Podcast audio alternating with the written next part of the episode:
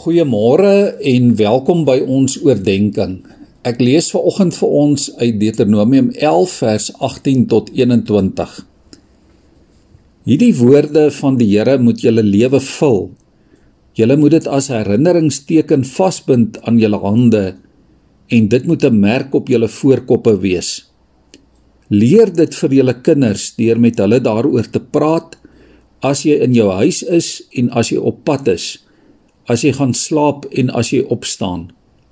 Skryf dit op jou deurkusyne en op jou stadspoorte. Dan sal julle en julle nageslag lank, ja lank, so lank as die hemel en die aarde sal bestaan, bly woon in die land wat die Here met 'n eed beloof het om aan julle voorvaders te gee. Liewe vriende, een van die grootste en die wonderlikste verantwoordelikhede wat jy en ek het, is om vir ons kinders en ons kleinkinders te leer van God se woord.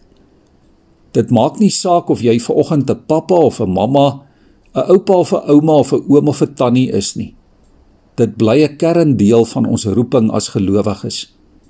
En dit is ook deel van die doopbelofte wat ek glo die meeste van ons afgelê het voor die Here. In hierdie uitdagende tyd waarin ons leef, is hierdie verantwoordelikheid meer ernstig en dringend as ooit. Ek het as 'n klein seentjie sonder 'n pa groot geword. Hy is oorlede toe ek nog baie klein was. Maar ek onthou so goed hoe my ma en my ouma en oupa elke aand en dikwels sommer ook deur die dag vir ons Bybel gelees en ons geleer bid het. Dit was nog altyd vir my lekker om kerk toe te gaan en om na die woord van die Here te luister. In my boekrak is daar vandag nog steeds so 'n groen kinderbybel en 'n kosbare familiebybel waarmee ons groot geword het. Ek kan regtig met groot dankbaarheid soos Timoteus van ouds weet dat ek my geloof ook te danke het aan 'n gelowige ma en 'n gelowige ouma. Hoekom noem ek dit vanmôre? Omdat ek regtig dink dit is hoe die meeste van ons ouer geslag groot geword het. En nou is dit ons verantwoordelikheid om dit ook vir ons kinders te leer. Deuteronomium kom en sê ons moet dit konstant doen. As ons by die huis is en op pad is, as ons gaan slaap en as ons opstaan. En dit is nooit te laat nie.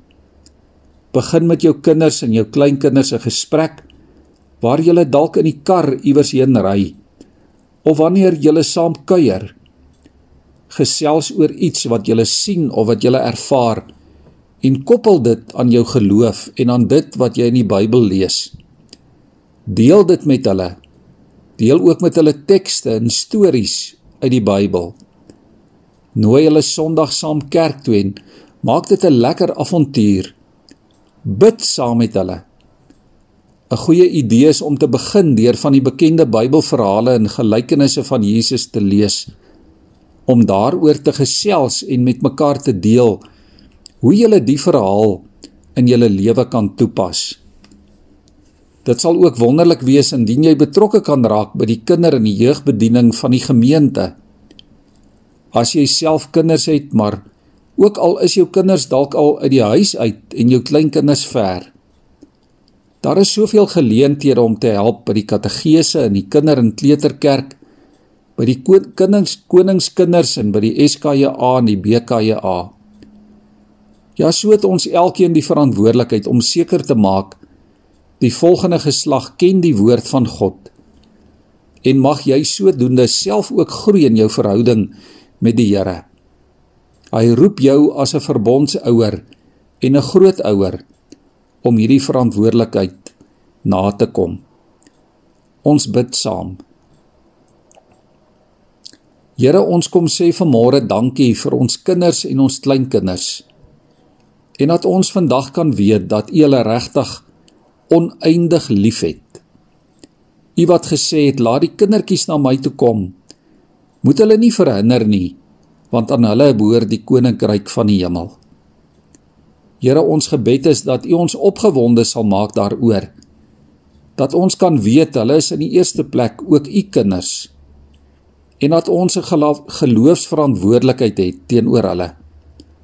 Here, help ons deur u Gees om ons kinders te help om in die woord beter te leer ken en om vir U lief te wees.